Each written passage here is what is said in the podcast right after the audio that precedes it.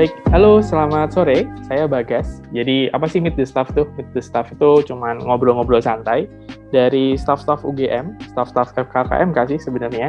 Ini kita akan ngobrol santai tentang banyak hal, tapi yang jelas ngobrolannya santai. Jadi kalau teman-teman tahu human in mana gitu, human in New York, human in uh, graduate school atau akun-akun seperti itu, jadi kita konsepnya akan seperti itu. Kita akan ngobrol tentang hal-hal yang santai yang mungkin tidak bisa diceritakan di forum-forum ya, selain ini. Jadi kalau nggak bisa diceritakan di kelas, nggak bisa diceritakan di kuliah gitu. Jadi kita akan ngobrolin di sini. Tapi pastinya tetap akan ngobrolin tentang sesuatu yang bermanfaat untuk kita. Dan pada hari ini saya Bagas dari Departemen Kesehatan uh, Perilaku Kesehatan, Lingkungan dan Kedokteran Sosial akan ngobrol dengan Dr. Daniel nih. Nah, Dr. Daniel ini adalah juga salah satu staf dari Departemen Perilaku Kesehatan, Lingkungan, dan Dokteran Sosial di divisi kesehatan lingkungan sih utamanya. Tapi nanti kita lihat gimana sih kok Dr. Daniel ini bisa sampai sini. Uh, perjalanannya gimana dan sebenarnya beliau itu siapa dan apa yang mau dibagikan ke kita. Jadi selamat sore Dr. Daniel. Apa kabar nih Mas Daniel? Selamat sore Mas Bagas, kabar baik Mas. Gimana kabar Mas? Baik, Alhamdulillah. Jadi tadi uh, habis ujian OC, Mas Dani juga sebagai PIC ya tadi Mas, udah mengalami atau menjalani tugas sebagai PIC nih, udah terlibat di pendidikan kedokteran. Tapi kalau Mas Dani itu posnya memang di kesehatan masyarakat ya Mas Dani? Iya mas, di kesehatan masyarakat eh, khususnya kan kesehatan lingkungan. Cuma kalau mau dibuat lebih spesifik lagi, lebih ke air minum sanitasi, WAS, Water Sanitation and Hygiene. Oke, okay, Water Sanitation and Hygiene ini teman-teman kalau misalnya nggak tahu nih atau terminologinya aneh-aneh, nah ini nanti kita dengar lagi nih. Kita kulik lebih dalam tentang uh, Mas Dani ini. Mas Dani bisa diceritain dulu nggak? Mas Dani itu backgroundnya apa sih sebelum sampai di sini? Ngobrol sama kami gitu apa yang sudah dijalani Wes, mau berapa lama mas ceritanya mas? Iya, serah mas Dani. Mulai dari TK boleh, tapi mungkin bisa dipersingkat dari program sarjananya sampai sekarang nih. Ah, jadi uh, saya S1 dari ITB, jurusan kimia FMIPA, lalu kemudian uh, berpindah jalur S2-nya ke ilmu lingkungan, environmental science, lalu kemudian S, uh, S2, S2-nya di IHE Delft ada dari Belanda, lalu kemudian S3-nya lanjut di kota yang sama tapi beda kampus dari TU Delft mengambil water management sanitary engineering. Jadi uh, sebenarnya nggak terlalu beda uh, pindah jalur banget lah ya, karena kan kimia dulu kan dekat lah ya sama lingkungan, lalu kemudian S2-nya lebih ke lingkungan, S3-nya lebih ke spesifik ke masalah air dan sanitasi higienitas. Jadi kurang lebih background-nya seperti itu sih mas. Jadi cocok lah kalau masuk ke ke Sling ke departemen kita. Oke, okay. jadi memang apa namanya memang ekspertisnya memang uh, di kesehatan lingkungan ya, Mas Denny. Mas yep. Denny, saya mau ini tadi ceritanya menarik sih dari kimia lalu uh, ke kesehatan lingkungan. Terus habis itu yang saya mau tahu pertama kalinya adalah bagaimana memilih dari itu kan banyak tuh misalnya kalau yang saya tahu ya kalau kimia atau air aja air itu bisa dilihat dari sisi polutannya terus habis itu dari sisi misalnya cemarannya atau bagaimana teknologi untuk meng uh, me purify apa sih purify disaring gitu ya biar biar layak minum gitu misalnya nah tapi yang saya tahu Mas Dani ini lebih ke behaviornya orang-orang terhadap air tuh Nah itu bisa diceritain sendiri nggak mas? Penelitiannya tuh apa sih mas? Kok ada bawa-bawa behavior? Oke, ini agak panjang juga ceritanya mas. Jadi, jadi dari uh, atau mungkin dari dari cerita dari satu dulu ya. Dari dari satu kan dulu itu uh, ngambil kimia, lalu kemudian uh, apa skripsinya itu bagian kayak membuat detektor logam berat di air kurang lebih seperti itu. Jadi dari situ mulai tertarik ke isu lingkungan, ngambil S2 lingkungan. Nah, lalu kemudian pas S2 dulu uh, saya dapat proyek kerjasama dari kampus di Belanda dengan satu institut di Swiss. Kita pergi ke Nepal, jadi kita ngambil data di Nepal tentang uh, kualitas air minum. Jadi dasarnya itu kualitas air minum di sana. Tapi kemudian saya bagian dari proyek besar dan waktu itu uh, fokus saya memang lebih ke kualitas air minum. Jadi kita itu menarik itu panjang banget cerita kita buat lab fit lab di lapangan di daerah pegunungan-pegunungan yang nggak ada listrik dan segala macam kita bawa peralatan ke sana lalu kemudian tapi tim yang lain ada satu supervisor saya dia lebih ke aspek perilaku lalu ada supervisor saya yang kedua juga dia lebih ke aspek ekonominya. Jadi kita coba melihat masalahnya lebih lebih luas lah nggak cuma satu sisi aja gitu. Nah lalu kemudian sesudah skrip sesudah sidang tesis kemudian saya mulai apa uh, saya mulai mikir kan oke okay, ini bagus nih kualitas air minum kita coba kita bisa uh, memperkenalkan teknologi kepada mereka untuk misalkan treatment ada yang teknologi yang simple ngerebus air gitu kan atau filter atau ada yang teknologi yang lebih ribet lagi gitu kan. Nah tapi kemudian saya mikir oke okay, kalau kita introduce teknologi ke mereka tapi tanpa melewat pendekatan behavior itu akan nggak akan bisa gitu. Nah jadi singkat cerita dari situ saya mikir oke okay, kalau saya mau S3 saya mau ngambil lebih ke aspek perilaku. Nah jadi dari situlah singkat ceritanya S3 kemarin itu ngambil sebagian besar topiknya memang lebih kepada perilaku seputar air minum.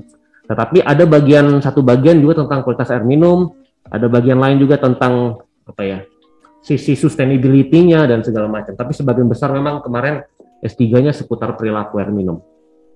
Gitu. Wah, ini uh, cukup buat saya ini mengejutkan ya. Maksudnya saya mendapatkan karena saya kalau saya kan gedenya ya di kesehatan gitu mas maksudnya S1 saya kesehatan lalu habis itu profesi dan terus S3-nya juga kesehatan jadi buat saya isu kesehatan itu sudah ya udah cuman biasa aja. Saya nggak nggak nggak pernah coba ekspor lebih jauh gitu. Tapi um, atau mungkin saya ekspor tapi saya nggak nyadar gitu. Karena itu sudah sehari-hari. Tapi kalau buat Mas Dani ini kayaknya dari buah pemikiran yang lama terus habis itu terus uh, lihat oh ini menarik nih mungkin bisa dikulik lebih dalam.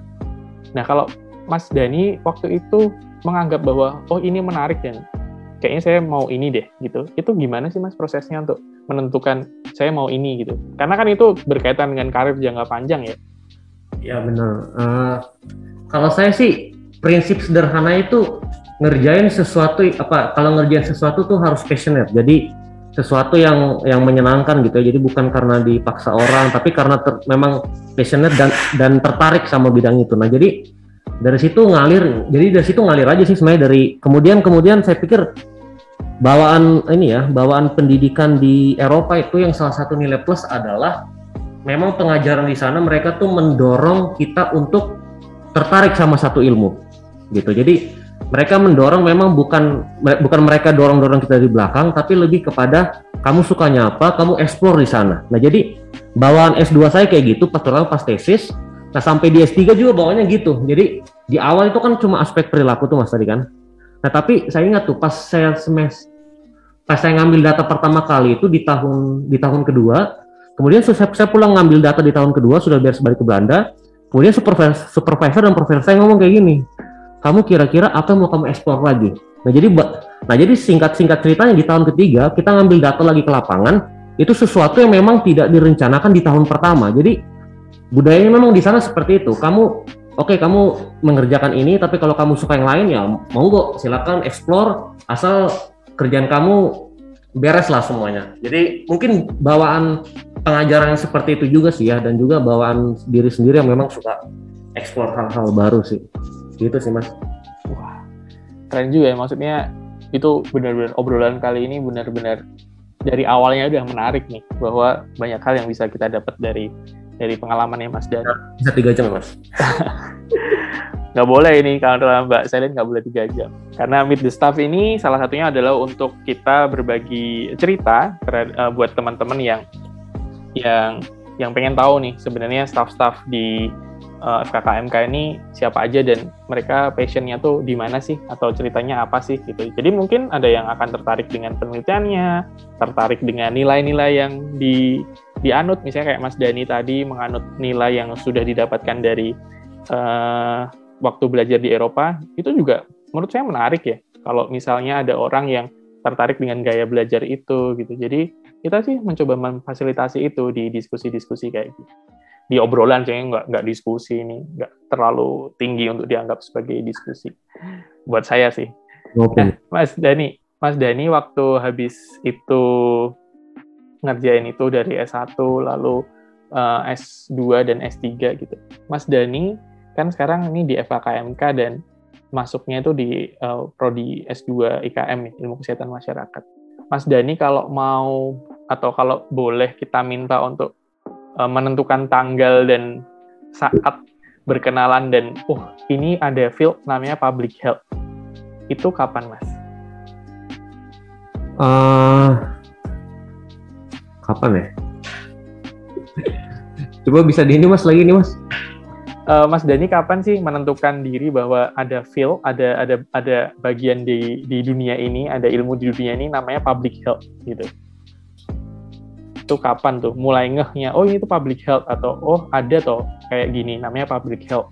Kayaknya pas mulai pas sudah S3 sih Mas, pas baca-baca paper karena di bidang WOS itu ini, ini saya temukan fakta menarik ya. Jadi kan dulu kan kita uh, saya mikir bagian air itu teknik sipil uh, teknik lingkungan, nah, teknik lingkungan dan teknik sipil kan. Itu kan saya di TB yang ngurus air sanitasi ya mereka-mereka kan teknik sipil, orang-orang teknik sipil, teknik lingkungan. Lalu kemudian pas lagi S3 baca-baca paper, kayak dulu saya juga nggak terlalu familiar ya sama uh, public health. Itu saya pikir sama lah dengan dokter gitu kan. IKM itu sama dengan dokter yang yang dokter yang masuk ke situ. Jadi itu nggak itu bukan jurusan yang terpisah gitu kan. Ternyata kan itu jurusan yang terpisah gitu. Uh, nah lalu kemudian pas baca-baca paper pas S3 itu ternyata menemukan fakta bahwa peneliti-peneliti yang terkenal ya yang kita sebut yang terkenal-terkenal di dunia ini ya uh, ada dari Amerika dari mana-mana mereka itu yang terutama bidang air sanitasi higienitas dan itu kan ada hubungannya sama ini ya kesehatan ibu dan anak gitu kan.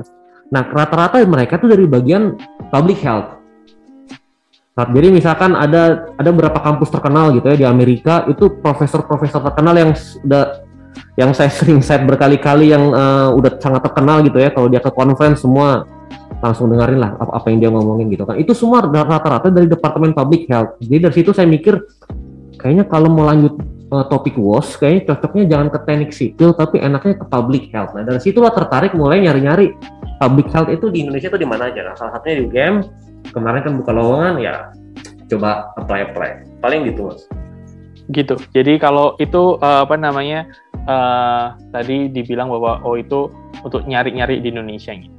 Uh, terus habis itu ketemu nama UGM. Nah Mas Dani, tapi saya mau track back lagi nih, balik lagi ke Mas. Waktu Mas Dani sadar bahwa ada ilmu namanya public health dan ternyata terpisah dari kedokteran atau nggak terpisah sih, maksudnya itu uh, tidak seperti yang bayangkan kalau ternyata uh, ini tidaklah 100% sama gitu sama kedokteran. Mas Dani gimana Mas waktu itu perasaannya dalam menemukan public health itu? perasaannya biasa aja sih mas. Biasa aja. Kirain terus kayak oh ini ternyata atau oh uh, ada ya ilmu seperti ini. Jadi ya. tapi ternyata biasa aja. Nggak apa-apa sih mas. Biasa juga perasaan kok.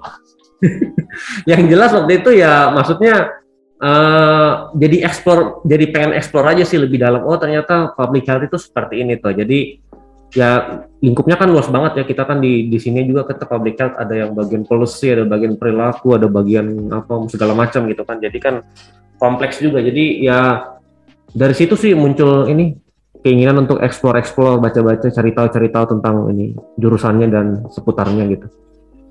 Oke jadi memang uh, dirasa sangat luas ya jadi sangat luas sangat, sangat luas. kayak nggak ada habis-habisnya ya mas ya di explore. Di kulik tuh kayak nggak ada habis-habisnya. Benar benar. Nah mas Dani habis dari Belanda kemarin pulang terus habis itu langsung ngajar di sini. Sekarang kita mau ngobrolin tentang pengalamannya mengajar. Nah mas Dani untuk mengajar ini sekarang lagi diserahin atau lagi terlibat dalam pengajaran apa aja nih mas Kebetulan kalau ngajar belum sih mas, tapi uh, untuk semester sekarang yang masih baru yang yang baru ya, yang semester baru ini saya ada pegang satu koordinator satu mata kuliah uh, bagian MKD Kesehatan Lingkungan namanya. Tetapi di sesinya sendiri cuma ngajar uh, dua sesi lah, cuma ngajar satu sesi sendiri tentang WOS, satu sesi lagi kita nanti rame-rame uh, dengan dosen-dosen dua dosen baru lain di di Kesling. Kita mau keroyokan tiga tiga dosen satu sesi. Jadi paling ya satu sepertiga sesi lah dah untuk semester depan. Tapi banyaknya juga nanti kan ada tutor-tutor juga yang lebih tidak bersifat ini ya satu arah gitu.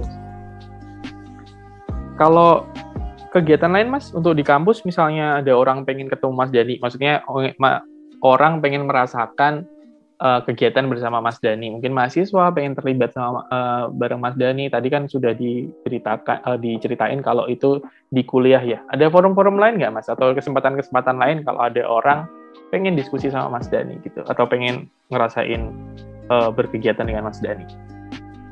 Kalau ya kalau kalau mau kontak sih monggo-monggo aja. Ini misalkan ada saya sendiri sih terutama yang berbau penelitian tuh saya suka. Jadi terutama kalau oh penelitian dan publikasi ilmiah. Dua itu saya suka. Jadi kalau penelitian ya ada beberapa orang juga dari bahkan dari fakultas lain gitu dari fakultas uh, pasca sarjana yang misalkan uh, entah kenal dari mana dia kontak kemudian uh, sharing-sharing uh, minta masukan soal risetnya dia ya saya, saya kasih gitu. Atau soal publikasi juga itu juga uh, saya cukup aktif di situ. Kita punya YouTube channel soal publikasi ilmiah sama satu rekan saya jadi kita uh, suka suka suka update lah. Cukup banyak sih video kita ada 30-an kalau nggak salah video kita di situ udah jalan setahun sih dari setahun setahun lebih kalau nggak salah.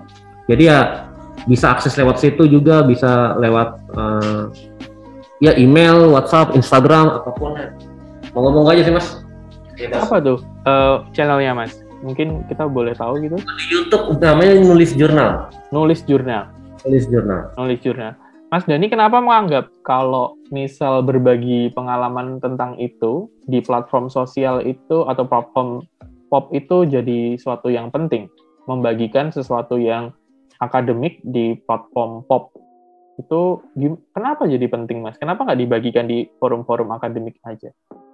Nah itu kemarin kita mikirnya tuh kenapa kita itu juga kita buat videonya lebih dalam tanda kutip semi ya semi podcast gitu sih mas. Jadi Uh, karena sebenarnya gini, uh, kita mau buat itu lebih bersifat fun. Jadi selama ini kan kalau misalkan saya nggak tahu lah ya, mungkin Mas Bagus pernah lihat juga, saya juga beberapa kali lihat video-video, misalkan uh, uh, apa namanya, video tentang penulisan artikel ilmiah itu kan kesannya terlalu formal gitu ya. Jadi yang ngajar uh, formal dengan slide-slide yang terlalu banyak kontennya yang bersifat teknis. Nah jadi kita mana di channel YouTube itu kita coba membuat itu lebih membumi. Jadi banyaknya kita cerita pengalaman kita, bahkan yang konyol-konyol, yang aneh-aneh, yang pengalaman kita ditolak karena hal-hal yang inilah, hal-hal yang inilah, hal-hal yang apa ya, yang lucu lah. Jadi supaya lebih lebih fun aja sih sebenarnya. Jadi nggak bersifat terlalu terlalu apa ya, terlalu formal gitu. Jadi itu niatnya juga karena kita mikir juga, saya sendiri sih mikir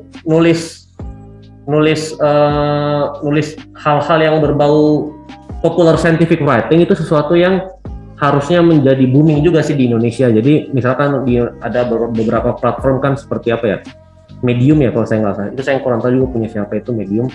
Nah itu kan saya kira perlu diperbanyak sih yang kayak gitu-gitu. Jadi uh, supaya memberikan literasi lah kepada orang-orang bisa menulis popular scientific writing. Mungkin tidak terlalu seperti formal, terlalu seperti uh, paper publikasi ilmiah, tapi dia tetap menjunjung ibaratnya nilai-nilai form apa konsep-konsep ilmiah itu tetap ada di sana. Jadi jadi niatnya juga seperti itu juga sih mas. Oke, jadi selaras banget nih sama FKKMK juga gitu. Jadi di FK itu setahu saya ada banyak channel yang di yang di yang ditujukan untuk eh, orang-orang umum ya dalam sifatnya umum kayak misalnya Ina Health gitu. Jadi ngomongin info kesehatan dalam bentuk yang lebih umum dan pop supaya itu lebih mudah untuk teman-teman yang bukan dari kalangan medis. Benar, benar, benar. Itu harus diperbanyak sih menurut saya kayak gitu-gituan. Iya, setuju soalnya kita jadi bisa yakin kalau info yang kita dapat itu adalah sesuatu yang valid dan uh, bisa dipertanggungjawabkan. Benar, benar. Dan uh, dan juga mudah sih sebenarnya. Yep. Nah, kalau usaha-usaha seperti itu itu kemarin tantangannya apa tuh mas untuk membuat atau membuat hal-hal yang akademik atau hal-hal yang berat ini jadi enteng tuh selama setahun menjalankan aktivitas ini ketemunya mentoknya apa nih mas? Apa ya? Kayaknya sejauh ini sih kita nggak ada halangan ya karena misalkan kita juga sendiri pertama konsep kita adalah dengan membuat itu pada waktu membuat kita nggak mau mempersulit diri sendiri jadi editing yang simple aja gitu jadi kita juga uh, jadi uh, masalah cut videonya misalkan yang jelek itu yang jelek misalkan atau yang ya ada yang kita potong itu jarang banget. Jadi kita memang cuma konsepnya ngalir ada sedikit editing beberapa poin-poin kalimat-kalimat penting kita buat ininya lalu kemudian publish. Jadi lalu peralatan kita juga sederhana menggunakan HP mas. Jadi nggak terlalu ribet kemudian nggak perlu beli mic apa-apa tapi sejauh ini kualitas videonya sih bagus dan suaranya nggak ada masalah. Jadi pokoknya konsep kita adalah meniru konsep ekonomi mas. Uh, usaha sekecil-kecilnya untung sebesar-besarnya. Itu konsepnya mas. Setuju setuju. Jadi sejauh ini nggak ada masalah apa-apa. Kita masih fun-fun aja sih. Paling laptop mas. Laptop kita uh, Kayak kemarin ini ada video kita terbaru lagi mau kita publish diedit sama teman saya itu laptopnya sampai ngehang padahal dia speknya bagus ya. mungkin videonya sih nggak apa-apa. Secara spek video nggak berat, obrolannya mungkin yang berat mungkin. Jadi kayak oh bisa jadi. nah, Mas Dani ini mungkin tadi balik lagi ya kalau denger ini kok kayaknya smooth-smooth aja gitu, kayak nggak ada masalah dalam dalam usaha-usaha itu kayaknya balik lagi ke ngerjain apa apa harus pakai passion kali ya mas ya? Gitu kali ya? 100 mas. Uh, kalau dulu waktu uh, apa ya waktu sekolah mungkin ya kita akan ngomongin itu atau waktu berkegiatan berkehidupan ini sebelum uh, hari ini itu passion itu siapa yang menanamkan mas atau bagaimana mendapatkan ide bahwa saya kalau mau ngerjain apa apa harus pakai passion uh, gimana ya? Kayaknya sudah ngalir dari dulu sih mas ya. Jadi tapi uh, eh ini ini kita ngomongnya keluar konteks akademis nggak apa-apa ya? Nggak apa-apa. Memang ini slow mas. Ini hobi nggak apa-apa ya? Nggak apa-apa, nggak apa-apa. Eh, saya saya tuh suka ini mas, uh, suka komik, komik Jepang namanya One Piece. Mungkin ya semua orang tahu lah itu komik kan. Jadi itu saya ikutin dari pertama gitu ya sampai sekarang nggak tamat-tamat. Saya nggak tahu kalau saya uh, punya anak dia udah tamat atau belum saya nggak tahu juga sih. Panjang banget tuh komik sampai sekarang masih bagus-bagusnya tuh komik. Nah, nah jadi itu uh, saya suka si tokoh utamanya gitu kan. Dia itu bahkan ini bahkan saking saking saya terinspirasinya ya mas. Jadi kan kalau kita tesis kan ada apa tuh? Apa ya bagian ini kata-kata halaman persembahan sih kalau di Indonesia namanya. Itu, itu ada satu bagian itu yang ini bahkan publikasi by the way ini kan nama saya itu kan cuma satu ya Daniel ya. Jadi yeah. kan KTP di Apto tuh cuma satu Daniel. Kemudian saya mikir kan dulu kan ini saya buat nama saya kan kalau publikasi kan ada harus ada first name, second name gitu kan mas. Uh, uh, Kemudian saya mikir ini nama saya buat apa gitu kan dan ada beberapa orang di Indonesia ngebuat buat double kayak misalkan Daniel Daniel atau kalau nggak salah Bu Supri juga kan buat dua tuh Supriya Supriyanti Supriyanti kalau saya nggak salah dan Iya benar Bu Supri juga dua Supriyati Supriyati. Itu baik yang seperti kemudian saya mikir ini saya buat nama saya kayak gimana gitu kan. Akhirnya singkat cerita saya baca uh, saya teringat tuh komik. Oh iya ada tuh kan uh, komiknya kan orang-orang yang jago-jago di situ kan ada D-nya gitu kan. Misalkan jagoannya kan uh, Luffy, namanya Monkey D Luffy D titik Luffy. Lalu siapa lagi yang lain? Mon, uh, Mon uh, atau siapa pun lah ada ada D-nya gitu di tengah tengah. saya mikir, oh iya, saya buat aja deh publikasi saya namanya D titik Daniel. Jadi sampai sekarang tuh terinspirasi dari situ kok dari dari dari, dari situ tuh nama nama itu tuh nama publikasi itu.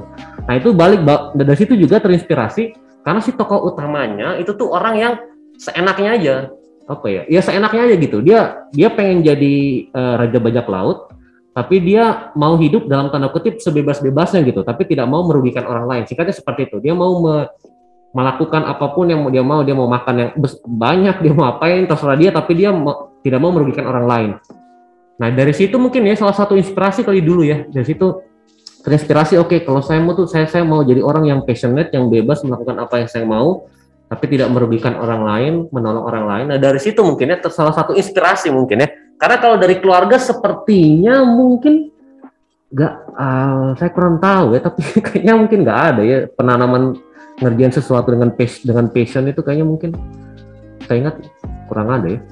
Sepertinya sih, seperti ya dari lingkungan juga sih mungkin ya. Seperti itu sih mas. Ini luar biasa banget ya. Jadi taunya dari komik ya. Dan itu kayak uh, uh, uh, inspirasinya dari komik ya. Jadi kalau misal ada yang suka komik terus habis itu dilarang-larang baca tuh ya mungkin harus ngobrol sama Mas Daniel. Ada satu dosen loh Mas di aduh saya lupa ya di departemen mana ya. Saya saya kenal kok dari dari dari dari di FKKMK juga Mas di seberang kita Mas. Oh, ah ini Dokter Arfian, anatomi. Iya iya iya iya iya dia kan penggemar berat itu. Oh, oh, oh, oh. Dokter Arfian lulusan Jepang juga. Mungkin nanti Mas Dani kalau mau ngobrol sama Dokter Arfian, kita fasilitasi. Pengen ngobrol sama siapa nanti? Udah pernah chat kok Mas, udah pernah chat. Oke. Okay. Uh, Mas Dani, ini tadi uh, kita ngomongin si si Luffy ya sebagai sebagai motivator gitu atau sebagai inspirasi lah. Nah kalau di akademik atau di di dunia yang kita geluti sekarang ini, buat Mas Dani inspirasinya siapa Mas? Gimana Mas ininya? Uh, inspirasinya siapa? Kalau untuk dunia akademik atau dunia yang uh, ya yang yang pekerjaan atau il, keilmuan yang Mas geluti sekarang, ada inspirasinya? Gak ada sih Mas, tapi ada, aduh saya nggak bisa bilang inspirasi juga sih, tapi ada ada satu profesor besar gitu kan dia dari Amerika, dia ya saking dia uh, dalam tanda kutip saking dia terkenalnya gitu kan saking dia, di bidang ini ya bos gitu kan saking dia terkenalnya ya dia dalam tanda kutip suka pergi ke mana-mana gitu kan. Dia suka pergi ke mana-mana jadi uh, apa ya visiting professor gitu kan. Sekarang kalau nggak salah di Leeds. Dia aslinya di UNC University of North Carolina. Dia di Leeds kalau nggak salah sekarang tapi sebelumnya di WHO jadi dia pergi ke mana-mana gitu. Dia dia pergi ke mana-mana dan dia pernah dengar satu satu statement bahwa ya dia mencintai topiknya dia dan membuat dia itu tadi ya dia passionate di situ lalu dia dia excellent di situ dia jadi punya punya prestasi soal akademis yang bagus dan dia di, jadi pergi ke mana-mana. Jadi dia dia bilang ya dengan dengan segala uh, usaha yang dilakukan di belakang itu membuat dia dalam tanda kutip jadi bebas juga dalam tanda kutip mengerjakan. Misalkan dia lagi pengen proyek nih di, di Afrika sebelah mana gitu kan dia tiba-tiba baca dia nonton televisi mungkin oh ada masalah air di di mana ya? Di Rwanda misalkan contohnya. Oh dia tertarik buat riset di situ. Nah dengan mengandalkan nama besar dan pengalaman dia jadi dia, bebas ke situ. Dia di base oh saya pengen riset di Rwanda deh saya pengen riset uh, air minum dengan stunting misalkan. Nah jadi dia itu membuat dia jadi jadi bebas gitu. Itu salah satu tapi ya mungkin salah satu inspirasi juga kali ya. Untuk ini dalam hal akademis. Ngeri juga ya uh, maksudnya dia uh, udah sangat senior jadi senior. uh, dan yang yang yang nyes banget tuh adalah uh, usahanya dia yang keras gitu. Maksudnya usaha yang dalam tanda kutip itu sangat mengikat keras macam-macam tuh membuat bebas. Itu inspiring sih quote quotesnya. Menurut saya sih inspiring sekali ya. Jadi apa yang kita lakukan sekarang berdarah darahnya itu ya nanti ada hasilnya gitu. Dan hasilnya membuat dia lebih bebas lebih, oh, untuk melakukan apa yang dia suka. Benar sekali itu kan mungkin yang agak jauhan ya mas ya. Maksudnya bukan yang sama deket sama Mas Dani ya. Mas Dani saya yakin pernah berkomunikasi pasti. Tapi kalau yang lebih deket lagi kita ngobrolin mungkin soal mentor atau supervisor ya kalau pas sekolah. Boleh supervisor boleh mentor terserah Mas Dani uh, ada kenangan atau ada hal yang sampai sekarang masih dipegang sama Mas Dani? Bentar. Uh, kalau S1 kayaknya normal-normal aja supervisor itu. S2 tuh eh, ini menarik juga tuh. Oh ya, saya tuh punya tiga, bisa dibilang punya tiga mentor lah ya, sampai sekarang di bidang ini. Dua itu supervisor saya dulu pas S2, satu lagi supervisor saya S3 kemarin. Itu beda-beda tuh karakternya tuh mas. Jadi kalau yang S2 kemarin satu orang Jerman, satu orang Amerika. Nah lalu, uh, aduh itu saya ingat banget itu. Yang orang Jerman itu dia yang mengajar. Ini ini cerita pengalaman aja mas ya nggak apa-apa. Memang itu yang kita dapat. Karena tidak didapat di bangku sekolahan kan pengalaman. Nah kita dapatnya dari Mas Dani nih sekarang. Nah, jadi si supervisor uh, saya yang Jerman sekarang dia di WHO kerjanya saya dulu pernah kirim email ke dia sekali. Itu kayaknya ya pernah saya kirim email ke dia lalu kemudian saya lupa kasih tulis ini mas. Please. Lalu dia kemudian saya kayaknya tulisnya ini kurang lebih mungkin can you help me? Misalkan seperti itu ya. Jadi ada kata-kata can you apa? gitu kan tapi nggak ada nggak ada please gitu kan. Lalu kemudian dia dia balas ke saya dia bilang gini Daniel uh, saya tahu mungkin di Indonesia tidak ada kata-kata please tetapi uh, dalam konteks uh, apa ya budaya Barat itu please itu sesuatu yang sangat polite sangat apalagi kamu menggunakan kata yang can gitu kan. Can itu kan secara bahasa Inggris dia strong gitu kan sangat sangat strong. Jadi kamu harus pakai please uh, saya tersinggung. Wah itu kan langsung langsung saya bingung aduh gawat nih kayak gini ya, dari situlah sejak dari, dari dari situ saya mulai pakai semua please tuh dari semua semua statement apa pun. Bahkan sampai sekarang kalau orang keluar negeri saya pasti pakai please kalau saya minta sesuatu ke mereka. Jadi dari dari situ. Lalu kemudian dia dia uh, dia sangat sangat picky soal kata-kata. Jadi sangat dalam konteks uh, konteks bahasa Inggris dia sangat picky. Jadi misalkan kita pilih kata apa atau tulisan apa dia tiba-tiba nggak suka dia langsung dia langsung koreksi dan dia ngomong menurut kamu konteks katamu ini tepat atau tidak? Coba kamu kemudian kalau misalkan saya bilang, oh ya menurut saya sih benar. Secara bahasa Inggris nggak ada yang salah gitu kan. Tapi dia kemudian dia langsung mulai ngomong, coba kamu bayangkan kalau yang baca ini adalah orang yang eh, misalkan contoh ya orang yang misalkan saya tulisnya misalkan eh, orang miskin kesulitan mendapatkan air. Misalkan saya pakai kata-kata eh, ya seperti itu kurang lebih. Lalu kemudian dia misalkan dia sebut kamu bayangkan kalau yang baca nih orang ekonomi menengah ke bawah, apakah mereka tersinggung atau tidak? Nah kurang lebih itu, itu contohnya gitu. Jadi dia lebih menekankan kepada uh, se, apa ya? Kita perlu sense apa ya? Sense ya suatu feeling. Jadi tidak bisa disampaikan serta merta gitu loh. Jadi dia mungkin orangnya sangat berperasaan kali ya, laki-laki padahal, tapi sangat berperasaan. Jadi dia sangat tonton apa tonton gaya penulisan kita tuh sangat diperhatikan sama dia. Nah, lalu ya paling ya gitu. Lalu kemudian lagi satu uh, supervisor saya yang Amerika juga punya kenangan tersendiri uh, perempuan sangat sangat keibuan. Uh, tapi yang nah itu cerita juga banyak sama dia. Tapi paling lompat ke supervisor saya yang ketiga nih. Supervisor saya yang ketiga pas S3 itu orang India. Nah jadi kalau yang supervisor saya orang India dia orangnya sangat perfeksionis jadi jika ada cacat apa pun, dia tidak suka gitu. Dan itu mungkin bawa ke saya. Saya juga orangnya cukup perfeksionis, terutama dalam hal penulisan ya. Dalam hal penulisan dia dia bisa, aduh saya ingat ya, dia saya misalkan tulis seribu kata, dia bisa buang 500 kata dari situ. Jadi sangat sangat dibilang ah, ini nggak berguna, ini katanya terlalu basa-basi. Nah itu itu yang saya suka tuh. Ini kata-katanya terlalu basa-basi, tidak to the point, jadi ngalur ngidul ke sana ke sini. Nah kamu harus uh, penulisnya kan harus harus kan kata-katanya terbatas harus spesifik dan bla bla bla. Nah dari situ tuh dan nah dari situ tuh itu salah satu pengajaran yang sampai sekarang juga saya orangnya cukup picky dalam penulisan. Gitu misalkan ada orang-orang yang saya bimbing itu saya berani. Jadi uh, pulang kalau bimbingan pertama sama saya pasti uh, bimbingan pertama tuh pasti nggak bersih lah kalimat apa teksnya itu. Pasti saya buang 20% minimal dari teksnya itu pasti saya buang semuanya. Jadi karena jadi itu hal, -hal seperti itu. Lalu dia juga menekankan satu hal bahwa kalau kita peneliti kita harus bisa membuat penelitian kita tuh down to earth. Jadi kamu bisa teliti apa pun, tetapi jika tidak ada implikasi, jadi gini, dia selalu menyarankan penelitian paper itu harus ada tuli, implikasi praktisnya seperti apa, intinya seperti itu. Jadi jangan kita tulis-tulis, oh climate change berganti ini menyebabkan pemanasan global, lalu kemudian kulit kita jadi kalau kita di bawah sinar matahari ter, bisa terkena kanker kulit misalkan, itu kan misalkan uh, topik papernya kita. Tapi kalau tidak ada implikasi atau saran praktis untuk merubah kondisi, misalkan oke okay, kamu di bawah matahari sejam aja deh sehari takut kena kanker kulit. Nah itu contoh misalnya contohnya ya dia bilang ini paper yang tidak down to earth, tidak solutif ya sebutnya seperti itu. Nah, jadi dari situ juga saya belajar oke okay, jadi kita sebagai researcher kita juga tidak boleh terlalu ngawang-ngawang nah itu sebutnya saya suka kita nggak boleh terlalu ngawang-ngawang kita ngomong ini ini ini tapi implikasi praktisnya orang tuh nggak tahu itu apa dia dapat ilmu tapi kemudian sesudah dia dengar kita dia bingung ini kepala saya pusing saya nggak tahu cara memecahkan solusi seperti apa. Nah jadi itu itu salah satu pengajaran yang saya dengar yang saya dapat dari dia. Dan itu ya ada banyak yang lain sih ada banyak yang lain juga. Itu salah satu lah yang praktis yang saya dapat. Wah tadi uh, banyak banget ya pelajarannya dari mentor atau dari supervisor nih. Tadi terus obrolannya adalah ada yang ngajarin soft skills dan di, di dan itu kayaknya tadi banyak soft skillsnya ya tentang berkomunikasi terus habis itu berkomunikasi tertulis juga pemilihan kata dan lain-lainnya.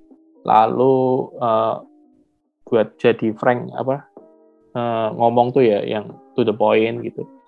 Terus habis itu di sekolahnya juga dapat hard skillsnya. Kayak tadi yang saya dengar Mas Dani uh, pergi ke field setting uh, laboratory di sana, terus melakukan analisis, ngambil sampel dan macam-macam. Jadi ada hard, ada soft skills yang didapat dari sekolah.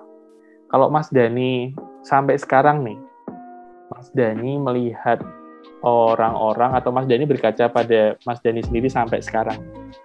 Soft skills dan hard skills apa yang mungkin bisa pilih satu-satu atau terserah Mas Dani mau berapa-berapa yang kira-kira jadi paling penting di topiknya Mas Dani ini. Di wash boleh di behavior tentang bos juga boleh jadi terserah Mas Dani tapi kita mau dengar nih apa sih yang perlu kita punya?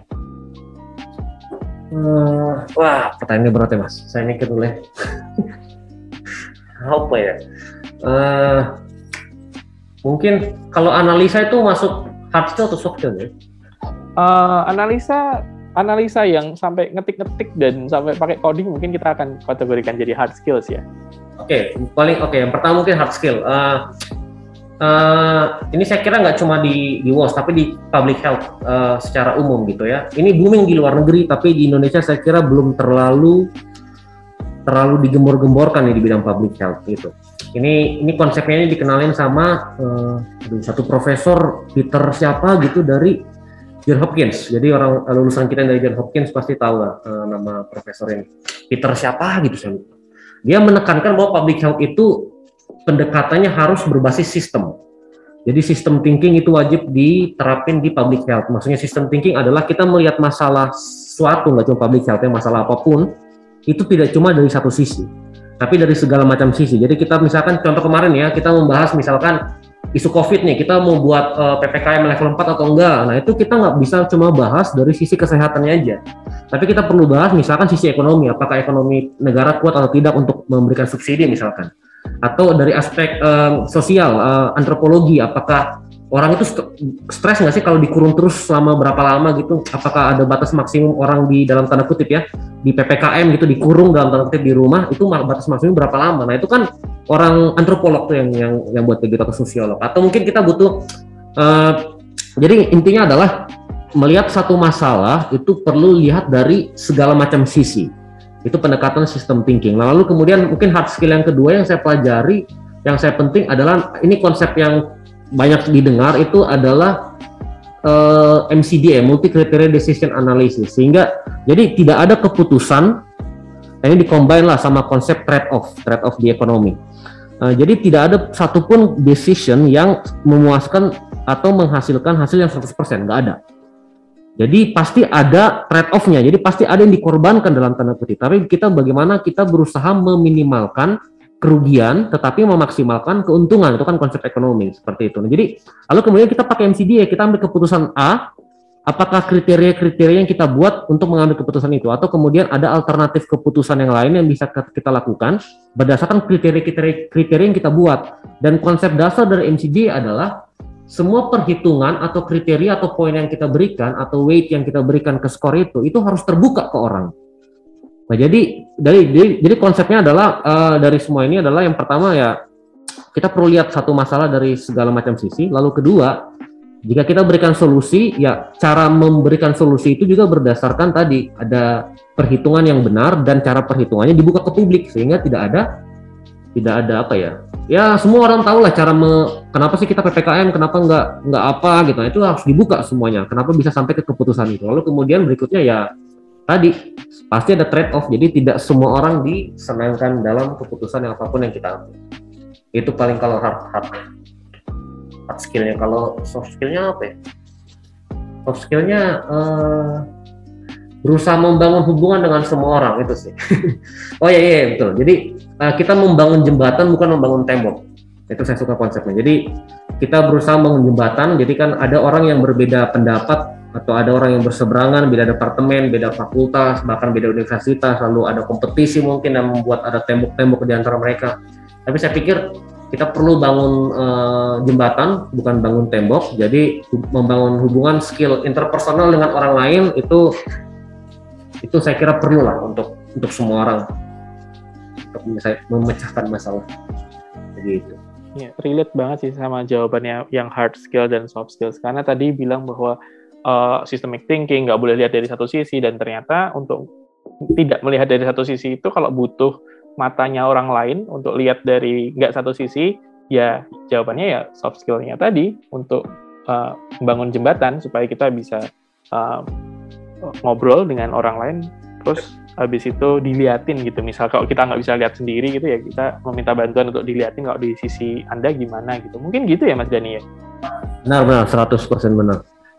Mas, Mas Dani ini kayaknya yang diobrolin dari tadi walaupun tadi janjinya nggak berat-berat, saya juga kebawa nih soalnya Mas Dani ini sangat saintifik kalau oh ini ngobrol nih. Jadi Mas Dani kalau yang nggak berat nih, yang enteng-enteng nih, Mas Dani untuk menyimbangkan dengan kegiatan-kegiatan yang yang yang akademis gitu lagi sibuk apa nih Mas? Yang agak-agak enteng nih?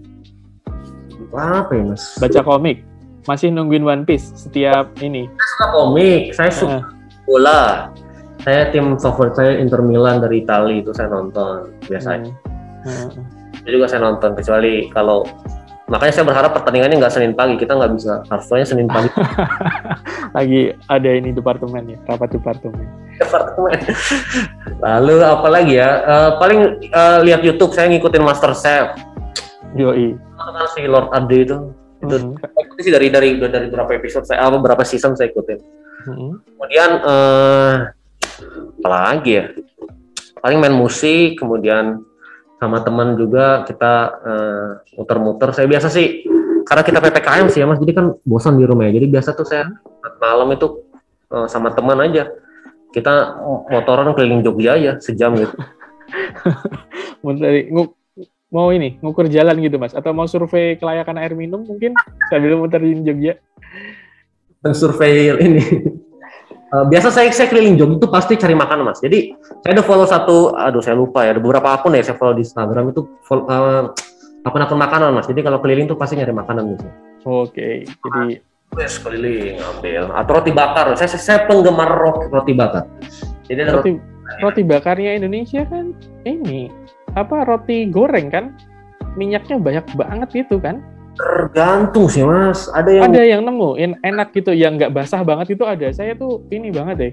Apa namanya bermasalah karena bukan karena saya lama di luar negeri enggak. Cuman saya tuh kalau di rumah tuh akan ada opsi untuk membuatnya Hmm. eh, tidak tidak terlalu eh, berminyak gitu ya. Tapi ada mas yang cukup Saya- enak ter- tergantung penjual mas. Saya sejauh ini kayaknya saya cobain lima roti bakar. Eh lebih kayaknya lima roti. Bakar. empiris banget ya Evi- evidence based banget Roti bakar tuh kan ada roti bakar Bandung mas yang gede banget tuh mas. Terus yang gede panjang. Tapi ada juga roti bakar yang cuma eh, dua slice gitu kan. Heeh, Biasa dijual di apa kafe apa di mana-mana. heeh.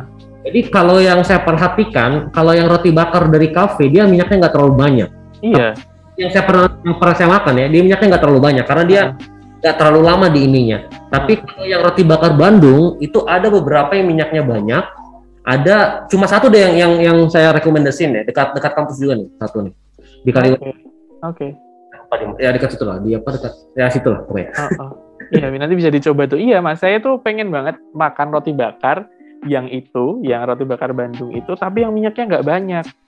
Ah, Tapi kalau misal kita minta sama penjualnya, penjualnya tuh jadi ngerasa mungkin dia nggak tega ya, atau dia mungkin merasa kalau kita ngerusak signature dish-nya dia ya. Jadi it- itu kan bagian dari bumbunya mungkin. Jadi eh, saya pernah mencoba minta ya, tapi tetap walaupun dikurangin, tapi tetap menurut saya dia tetap lebih basah dari yang seharusnya sih. Saya nggak terlalu suka itu. Iya nih ngobrol tuh yang santai-santai gitu, roti bakar gitu. Kalau misal eh, tadi lagi pusing, sukanya atau nggak pusing sih, bosen gitu, muter-muter, terus habis itu eh, cari roti bakar gitu. Kalau saran-sarannya buat mahasiswa yang mungkin sekarang lagi pusing, pusing apa pun, pusing kuliah, pusing mau ngerjain penelitian atau eh, hal-hal lain yang berbau-bau kuliah, ada saran mas buat mas eh, dari Mas Dani buat teman-teman nih. Kalau saya sih ambil cuti dulu dalam tanda kutip ya. Ambil eh, ambil libur dulu sih dua tiga hari gitu. Jadi nggak sentuh itu sama sekali. Kalau bisa. Kalian lagi tesis ya terutama ya. Itu kan bisa ambil ambil break dulu. Jadi itu penting untuk kemudian ya udah sesudah itu nggak sentuh laptop sama sekali. Tinggal ngomong aja ke pembimbingnya "Eh, Pak Bu saya minta izin dulu tiga hari tidak ini karena saya lagi apa lagi lagi stres lah dalam tanda kutip lagi kesulitan untuk berpikir. Ya wes saya pikir eh, isu kesehatan mental itu kan penting banget ya. Saya juga lagi de- dengar banyak eh, isu-isu seputar itu. Jadi saya pikir ya profesor kayaknya inilah pahami lah. Lalu kemudian ya sudah itu ya pergi aja mas. Atau staycation gitu kan ka- kadang-kadang saya juga beberapa kali staycation. Jadi cuma mencari suasana baru gitu kan. Dan memang bosan jadi ya udah staycation aja gitu. Itu beberapa opsi. Lalu kemudian ya ya intinya tidak menyentuh lah tidak menyentuh hal itu selama beberapa hari gitu. Eh, apa namanya eh, dilup nggak dilupakan ya apa namanya ditinggalin sejenak gitu eh, untuk mengeksplor lagi.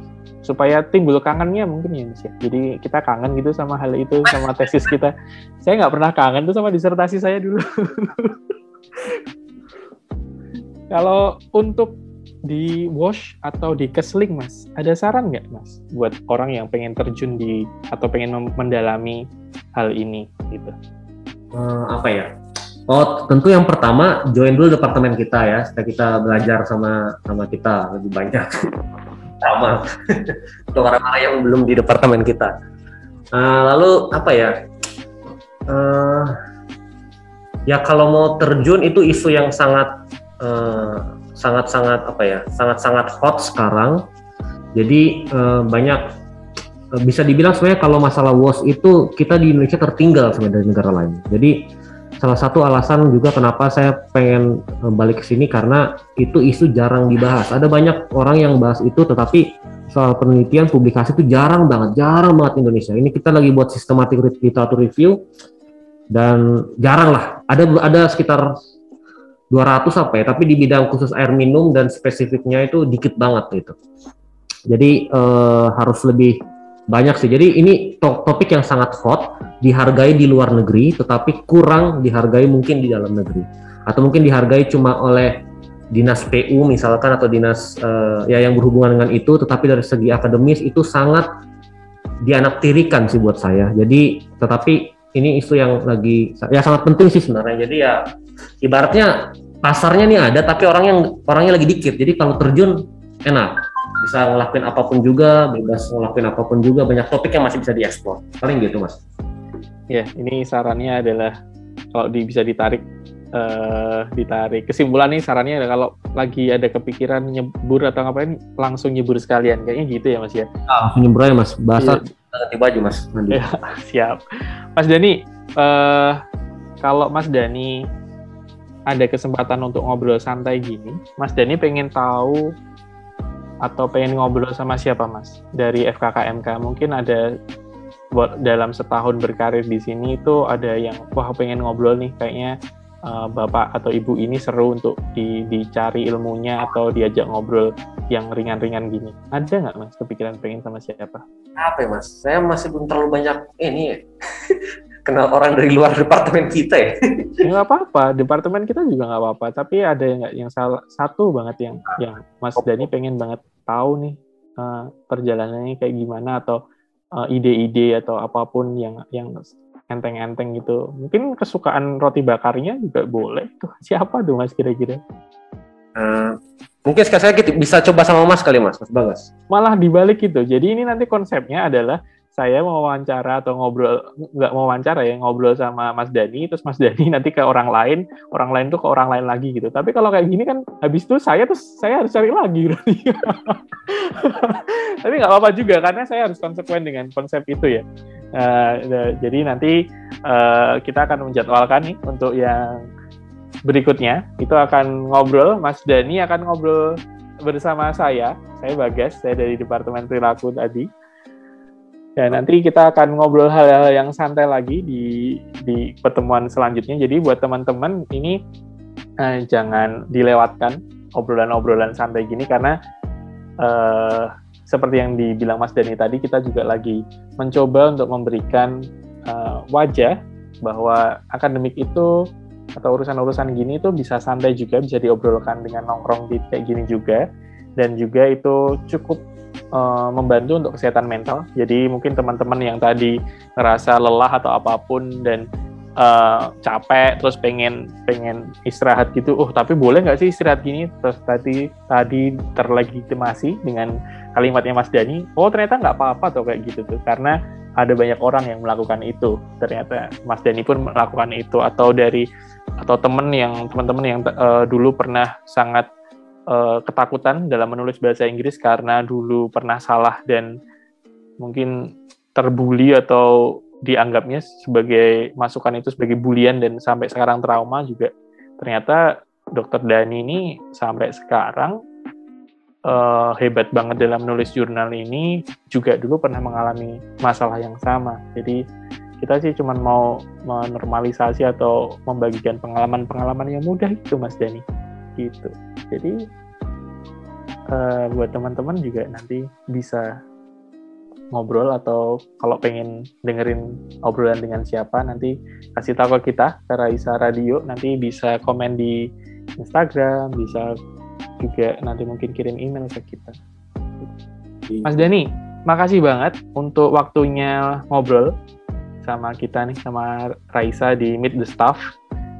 Jadi yeah. ini adalah salah satu apa ya loncatan buat menurut saya bahwa ada obrolan-obrolan yang ini bisa dibagikan kayak gini. Terima kasih sudah bersedia jadi bagian dari loncatan ini.